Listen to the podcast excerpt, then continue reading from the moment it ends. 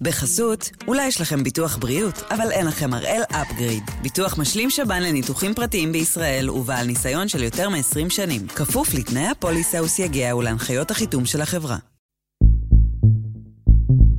היום יום חמישי, 17 בנובמבר, ואנחנו אחד ביום, מבית N12.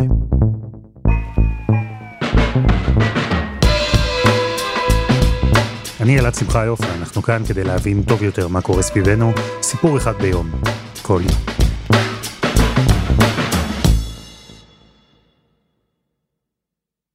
אם יש קלישאה אחת לגבי סטודנטים, היא שהם תפרנים. שאין להם כסף. זו קלישאה, אבל זה בדרך כלל גם נכון. זה חלק מהחבילה הזו של להיות סטודנט. אלו השנים שבהן אנחנו מכניסים מעט, אם בכלל, חיים בצניעות, לפחות רוב הסטודנטים, ולומדים בתקווה שיום אחד את החינוך שרכשנו נוכל להמיר לקריירה. עבודה שגם תכניס לנו כסף ותשנה את המצב. אבל מה קורה אם יש אדם שעבורו הלמידה היא הקריירה? מה אם יש אדם שהופך לסטודנט לכל החיים? ומה קורה אם האדם הזה מתחתן, מקים משפחה, ועכשיו אמור לפרנס לא רק את עצמו, אלא גם את המשפחה שלו, תוך כדי שהוא עדיין לומד, עדיין סטודנט. לתפיסתו, ללמוד זה הדבר הכי חשוב שהוא יכול לעשות בעולם, וזה לא רק לתפיסתו, גם המדינה שלו מאמינה שזה חשוב, ומוכנה לשלם לו כדי שימשיך ללמוד. ועכשיו, כשיש ממשלה חדשה בפתח, המדינה הזו מוכנה לשלם לו גם כפול.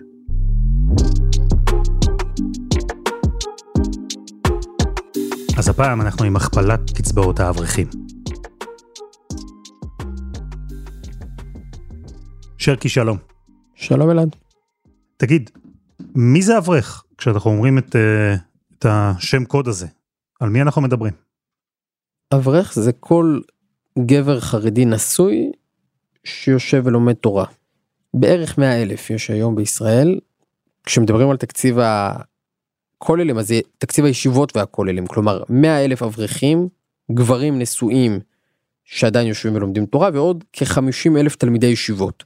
כלומר סך הכל מדובר על 150 אלף אברכים ותלמידי ישיבות וצריך לעמוד על ההבחנה הזאת כי כשאנחנו מדברים למשל קצבת אברך אצל האברך היא הולכת אליו. ואצל תלמיד הישיבה היא הולכת אל המוסד החינוכי שבו הוא לומד. אז המקום שבו גבר חרדי ילמד, ישיבה או כולל, סכום הכסף שהוא יקבל, ואם הוא יקבל אותו בעצמו, או שהכסף ילך למוסד החינוך שלו, הכל תלוי בעצם בסטטוס של התלמיד, אם הוא נשוי או רווק. נכון, הרי תלמיד ישיבה, ברגע שהוא מתחתן הוא נהיה אברך. ב- ביום אחד, פשוט הוא מפסיק להיות תלמיד שמשלם לישיבה כדי ללמוד, והופך להיות אברך כולל שגר בבית ואוכל בבית, ומקבל את הכסף אליו. כלומר הרציונל הוא, אני מניח שברגע שהתחתנת יש לך כבר אה, משק בית, אוטוטו יהיו ילדים, יש משפחה, אז אתה פשוט צריך את הכסף, מאוד טבעי. נכון, תמיד אה, בחורים צעירים לא נשואים, הם נמצאים בישיבה, הישיבה דואגת לכל מחסורם, היא מאכילה אותם, היא נותנת להם אה, מקום לישון ומקום ללמוד, והציפייה גם מהתלמיד החרדי הצעיר זה שלא יצא מהישיבה, הישיבה היא סוג של תיבת נוח שמשייטת בעולם ושומרת אותו מפני כל מה שנעשה בחוץ. אברך הוא כבר הקים משק בית, הוא הולך לישון בבית עם אשתו, הוא מגדל את ילדיו, הוא אוכל בבית, והוא צריך איכשהו גם לפרנס את כל המודל הזה. תתאר לי שרקי, איך נראה יום של אברך, מה הוא עושה? אז תראה, אברך על מלא לומד שלושה סדרים. הוא מגיע בבוקר, נגיד, 8-9 בבוקר עד אחת בצהריים, יש הפסקה, אחרי ההפסקה אה, שבה אוכלים צהריים, אולי נחים מעט, חוזרים לסדר שני, אה, סדר צהריים, והמהדרין בסוף היום נגיד מסיימים אותו בשש או שבע, חוזרים הביתה, מתפללים ערבית, אוכלים ארוחת ערב וחוזרים לסדר שלישי. עד 10-11 אה, בלילה, עוד שעתיים שלוש של לימוד. והכוללים האלה, איך הלימודים מתנהלים בהם? זה לא לימודים להשלמת תואר, זה לא אה, סך חומר שצריך להספיק. יש כוללים שבהם לומדים גמרא, פשוט לומדים תלמוד בעיון, יש כוללים שבהם לומדים תלמוד בבקיאות, יש כוללים שלומדים בהם הלכה, יש כאלו שכן לומדים למבחני רבנות, יש כאלה שלומדים למבחני דיינות. אה, המילה כולל מקפלת בתוכה המון אפשרויות, אבל המכנה המשותף יושבים ולומדים תורה, זה מה שעושים.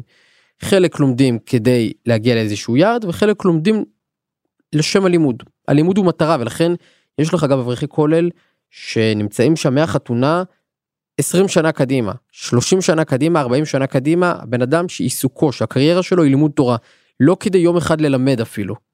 זה לא שהוא בעצמו יום אחד יגדל ויהיה רב שילמד אחרים, יש כאלה שאומרים לא, אנחנו רוצים ללמוד כדי ללמוד. זאת המטרה. ואברך כזה, תלמיד תורה, מה המעמד שלו בחברה החרדית? נזר הבריאה, זה המעמד שלו. הוא תכלית הקיום האנושי. העובדה שהוא יושב ולומד תורה, כדי ללמוד תורה, היא מה שמחזיק את העולם, בתפיסה החרדית. כלומר, זה אידיאל של חברת לומדים. זה לא חברת מלמדים, זה לא אה, ללמוד כדי לעבוד בזה אחר כך, זה לא ללמוד כדי לכתוב בזה ספרים. הוא עושה את הדבר שלשמו נברא העולם, הוא עושה את הדבר שמקיים את העולם, הוא יושב ולומד. זה האידיאל. אה, כשרוצים להציע בחור טוב בשידוכים, אומרים הוא הולך להיות אברך.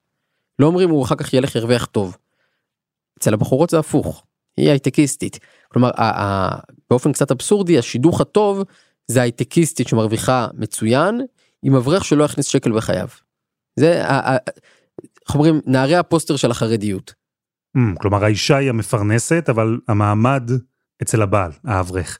ואני מבין אה, מהלוז שתיארת, מהיום הזה שתיארת, שאין לו ממש זמן, אולי זה גם לא נהוג, לעשות משהו אחר חוץ מללמוד תורה, זה הדיי ג'וב. זה מה שנקרא תורתו אומנותו. זה בדיוק הקטע. התורה היא העבודה שלו. זה מה שהוא עושה. הוא קם בבוקר, לומד. אחר הצהריים, לומד. בערב, לומד. כן, זו העבודה שלו, אבל משכורת מן הסתם, האברך לא מקבל על זה שהוא לומד תורה. הוא לא מקבל על זה משכורת, הוא כן מקבל על זה מלגה. והמלגה אגב משתנה מכולל לכולל. כלומר יש כולל טוב למצטיינים שבו המלגה יכולה להיות גם 3,000 אה, שקל. כולל ממוצע ייתן בערך 2,000 שקל. אבל בדרך כלל המלגה הזאת שאברך מקבל מורכבת ממה שמדינת ישראל נותנת, שעכשיו על זה המחלוקת, אבל בין אם היא נותנת 400 שקל, 700 שקל, 900 או 1,400, והיתר אה, ראש כולל נוסע לחו"ל, מתרים, והם נדיבים תורמים, נדיבים תורמים להחזקת התורה, ו... והם בסוף מקבלים בסוף החודש את הקצבה. אוקיי, okay, אז מה שנקרא קצבת אברך, אני מבין ממך, זו בעצם קצבה שמחולקת לשני חלקים, לסכום שמגיע מהכולל, זה תלוי בכולל, לכל אחד יש תקציב שונה, יש תורמים שונים, זה ברור. החלק השני הוא זה שעליו אנחנו מדברים כאן, והוא סכום שמגיע מהמדינה. זה כסף שהמדינה מעבירה מדי חודש בחודשו, פר ראש מה שנקרא. היא מתקצבת לכל אברך כך וכך. עכשיו עד היום המקסימום היה מיליארד 200. כלומר מדינת ישראל זה בעצם אני חושב מספר השיא עד היום. תקציב הישיבות והאברכים עלה ועלה ועלה והגיע למיליארד שקלים ו200 מיליון. אם פתאום יש עוד יותר אברכים אומרים אין בעיה אבל העוגה פשוט תישאר אותה עוגה וכל אחד יקבל חתיכה קצת יותר קטנה. בהסכם הקואליציוני החדש אחד הסיכומים המסתמנים זה עוד לא נחתם זה שהעוגה לא תהיה מוגבלת. כלומר אם ייקבע נגיד שאברך מקבל 1315 שקלים אז גם אם יתווספו 2,000 אברכים יימצא התקציב עבורם לא על חשבון הקודמים. גם אם יתווספו 10,000 גם אם יתווספו לא יודע 15,000. אז זה אפילו יותר דרמטי ממה שחשבתי. ההסכם הקואליציוני המתגבש כן הוא יותר דרמ... הוא דרמטי. יש משמעות לזה שלא רק שמכפילים את קצבת האברכים אלא גם בעצם מונעים את השחיקה שלה הרי תמיד הריבוי הטבעי שחק אותה. ו... ואת הדבר הזה בעצם מונעים. הבנתי אותך. אז קח אותי רגע מאחורי הקלעים, בדיונים על ההסכם הקואליציוני. מי דחף את המהלכים האלה? לשנות, להכפיל את הקצבה של כל אברך ליותר מ-1,300 שקלים בחודש. תראה, זה דבר די מעניין, כי עוד פעם, אנחנו לא יודעים עדיין איך בדיוק ייראו ההסכמים הקואליציוניים הסופיים, אבל מי שהעלה ראשון בחדרי המשא ומתן את הדרישה להכפיל, אה, לפי לפחות חלק מהדלפות היה בכלל סמוטריץ', שבמובן מסוים עקף את המפלגות החרדיות מימין.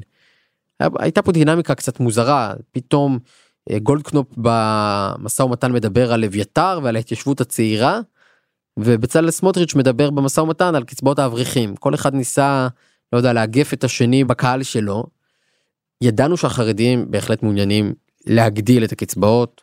הרב הראשי יצחק יוסף במוצאי שבת מיד אחרי הבחירות, דרעי יושב לידו והוא אומר פעם אברכים היו מקבלים 900 שקל צריך להכפיל להם פי 3 פי 4. כלומר ידענו הקהל החרדי ציפה לדבר הזה חוזרים לשלטון מסדרים את האברכים. אחרי שבאמת אנחנו רואים את הקצבה שלהם עולה ויורדת כשהחרדים באופוזיציה היא נמוכה כשהם בקואליציה היא גבוהה. עכשיו אנחנו מגיעים לשיא של כל הזמנים עכשיו. זה נכון שבמספרים מוחלטים זה שיא של כל הזמנים אני כן מסייג ואומר בוא נגיד אם ב2012 נגיד היינו על 850 כמעט 900 שקל אה, לאברך אז אני מניח שהמדד הוא לא היה עד כדי כך חריף אבל אם היית מצמיד את זה נגיד למדד המחירים לצרכן או היית מצמיד את זה לשכר המינימום בכל מקרה כנראה שזה היה כבר מתעדכן. אתה מבין?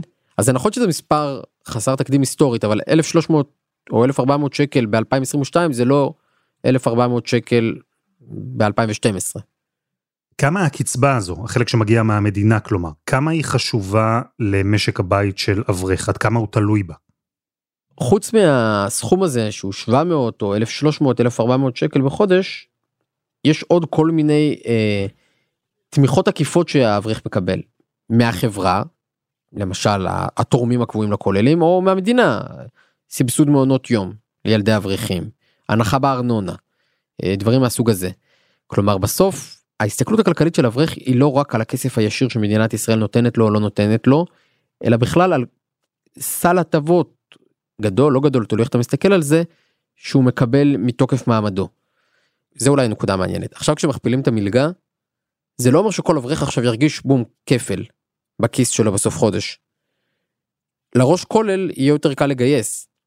ההשלמה שהוא יצטרך להביא היא פחות גבוהה זה כמו שנגיד יבטלו את המע"מ הרבה מומחים כלכליים אומרים זה לא יעזור הצרכן כבר לא יראה את זה או יראה את זה קצת זה לא שעכשיו יבטלו מע"מ אנחנו נשלם 17% פחות.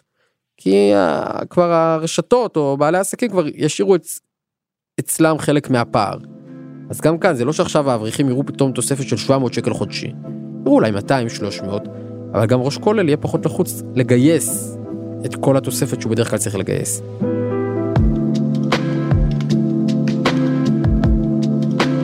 חסות אחת וממש מיד חוזרים.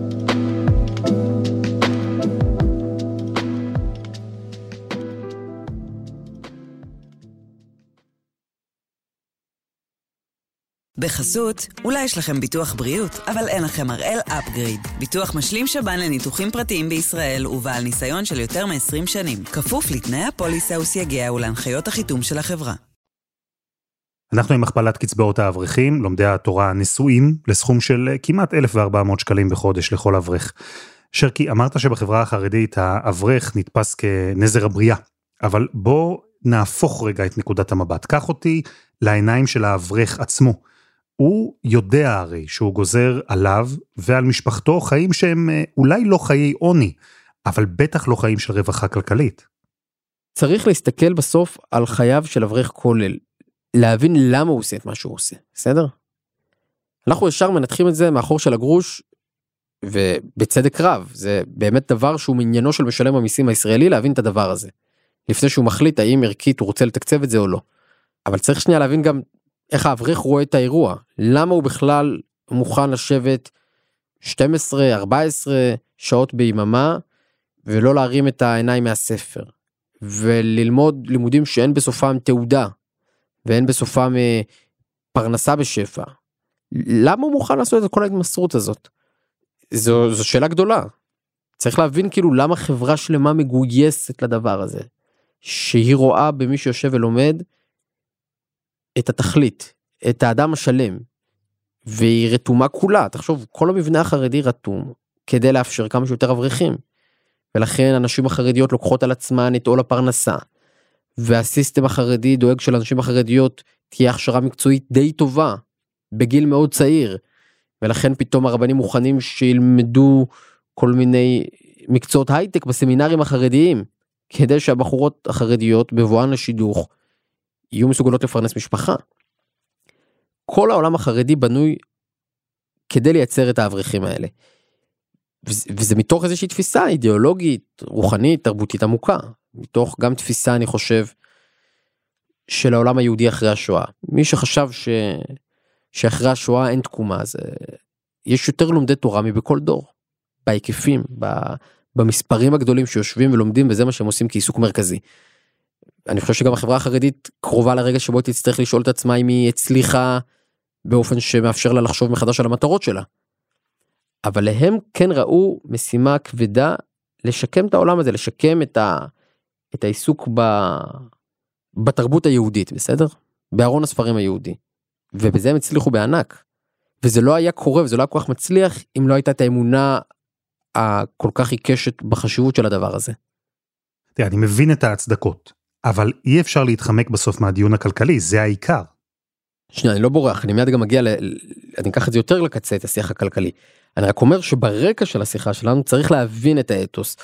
ואני חושב שגם חלקים בחברה הישראלית אה, אפשרו את הדבר הזה, בין השאר, גם בגלל הכוח הפוליטי החרדי, אבל גם כי בתוך מכלול הדברים שמדינת ישראל תומכת ומממנת, יש רבים בעם היהודי שחושבים שלימוד תורה זה אחד מהדברים שכדאי לתמוך בהם. השאלה אם באיזה היקף, השאלה אם בלי הגבלה, השאלה באיזה מספר לומדים, השאלה מה ההשלכה של זה על תקציב המדינה, כל אלו שאלות מצוינות. אבל בבסיס, האם יש בישראל 2022 תמיכה במימון לימוד תורה בהיקף מסוים? יש. עכשיו בוא נדון על הפרטים. זהו, שתמיכה זה עניין יחסי, כי ישראל כבר עשרות שנים מתקצבת ונותנת קצבאות לאברכים, ונכון, זה מתוך הסכמה שלימוד תורה זה דבר חשוב, אבל היו ממשלות שתמכו יותר, היו גם כאלה שפחות, והתמיכה הזו לא נובעת רק מאמונה או אג'נדה, יש הרי המון פוליטיקה ברקע. תראה, ראש הממשלה המיועד היום, הוא בסוף אותו אדם שאחראי לקיצוצי ענק בתקציבים לחברה החרדית.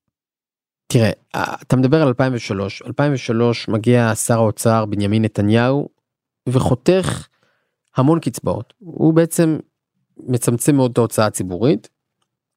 ואנחנו רואים שזו שנת מפנה בגרף הכי חשוב כשמדברים על חרדים וכלכלה. מה הגרף הכי חשוב? כמה גברים חרדים יוצאים לעבוד? מה אחוז הגברים החרדים העובדים? זה לא הגרף היחיד שחשוב, חשוב גם להבין אחר כך כמה משתכר גבר חרדי שכבר יוצא לעבוד. אבל הכי חשוב, או, או הכי בסיסי, זה מי בכלל משתתף בכוח העבודה במשק. ב-2003 היינו בשפל של 35-37 אחוז מהגברים החרדים שיצאו לעבוד בלבד. ומאז אתה רואה עלייה עקבית שנמשכה עד, עד ימינו אנו, שמביאה את החרדים ל-52% מהגברים שיוצאים לשוק העבודה. זה כבר קורה בעצם ב-2015 ומאז אנחנו באיזשהו דשדוש. אבל היה שם עשור, קצת יותר מעשור, 12 שנים, שבהם הגרף עולה די בחדות. מ-37 ל-52 אחוז. אה, וזה אין, אין חולק מבחינה כלכלית תוצאה גם של קיצוץ הקצבאות לסוגיהן לא רק קצבאות האברך אלא לצורך העניין גם קצבת ילדים שהייתה אז אה, רכיב מאוד אה, דרמטי בהכנסה של משפחה חרדית מרובת ילדים ומאז צומצמה באופן משמעותי.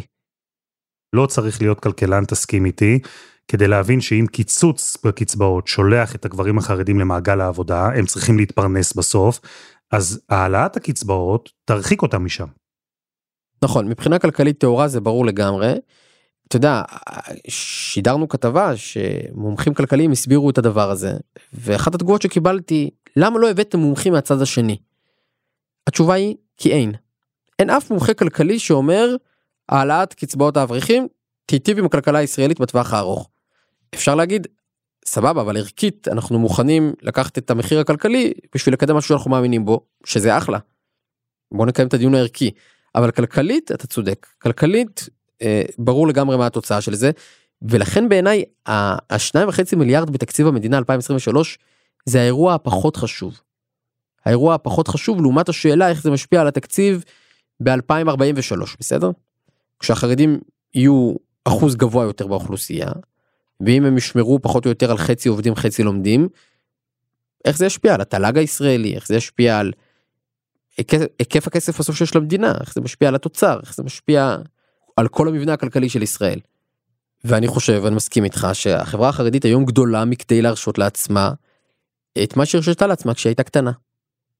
כלומר כשאתה לצורך העניין חמישה אחוז מהחברה הישראלית מהאוכלוסייה ואתה משמר איזשהו משהו היסטורי תרבותי עתיק זה דבר אחד אבל כשאתה לא יודע 12 13 אחוז מהאוכלוסייה ובעוד 40 שנה אתה תהיה 30 אחוז לפחות מהאוכלוסייה, אז האחריות שלך היא אחרת, כי, כי מה שהיית, התפקיד ההיסטורי שלך כשאתה קבוצת מיעוט קטנה, משתנה כשאתה הופך להיות קבוצת אה, מיעוט דומיננטית ואולי אפילו לא מיעוט באיזשהו שלב.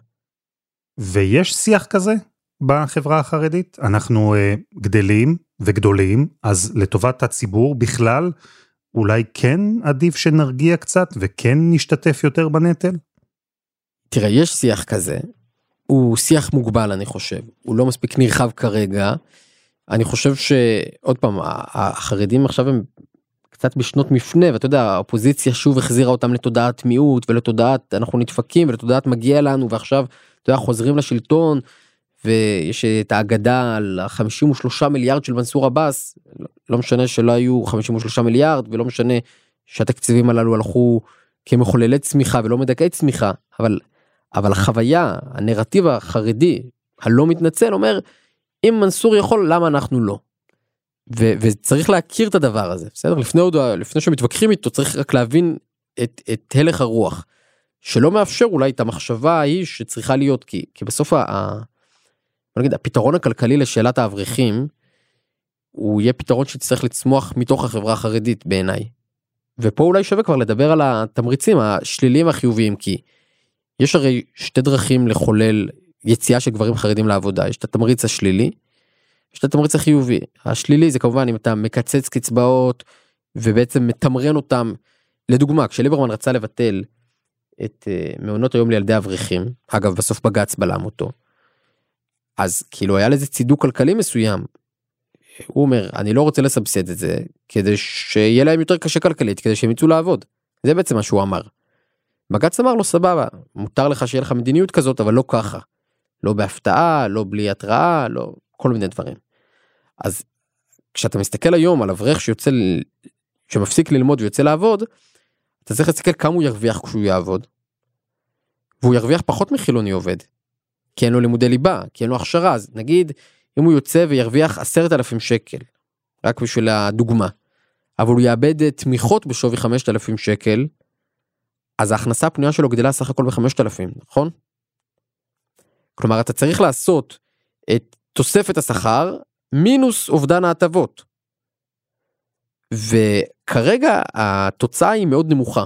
גברים חרדים עובדים לא מרוויחים מי יודע מה, גברים חרדים לא עובדים נהנים מהטבות בגובה מסוים, והפער לא כזה דרמטי, אתה מבין? ולכן זה חשוב מאוד שמדינת ישראל מוטרדת מהשאלה איך היא גורמת לגברים חרדים לצאת לעבוד, ולא פחות חשוב שהיא גם תשאל את עצמה איך היא משפרת את יכולת ההשתכרות ואת השכר בפועל של אלו שכבר יצאו.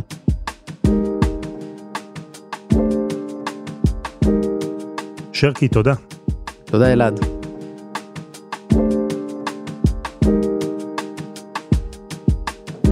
וזה היה אחד ביום של N12. אנחנו גם בפייסבוק, חפשו אחד ביום, הפודקאסט היומי. העורך שלנו הוא רום אטיק, תחקיר והפקה דני נודלמן, עדי חצרוני ורוני ארניב, על הסאונד יאיר בשן שגם יצר את מוזיקת הפתיחה שלנו, ואני אלעד שמחיוף. אנחנו נהיה כאן שוב, גם בשבוע הבא.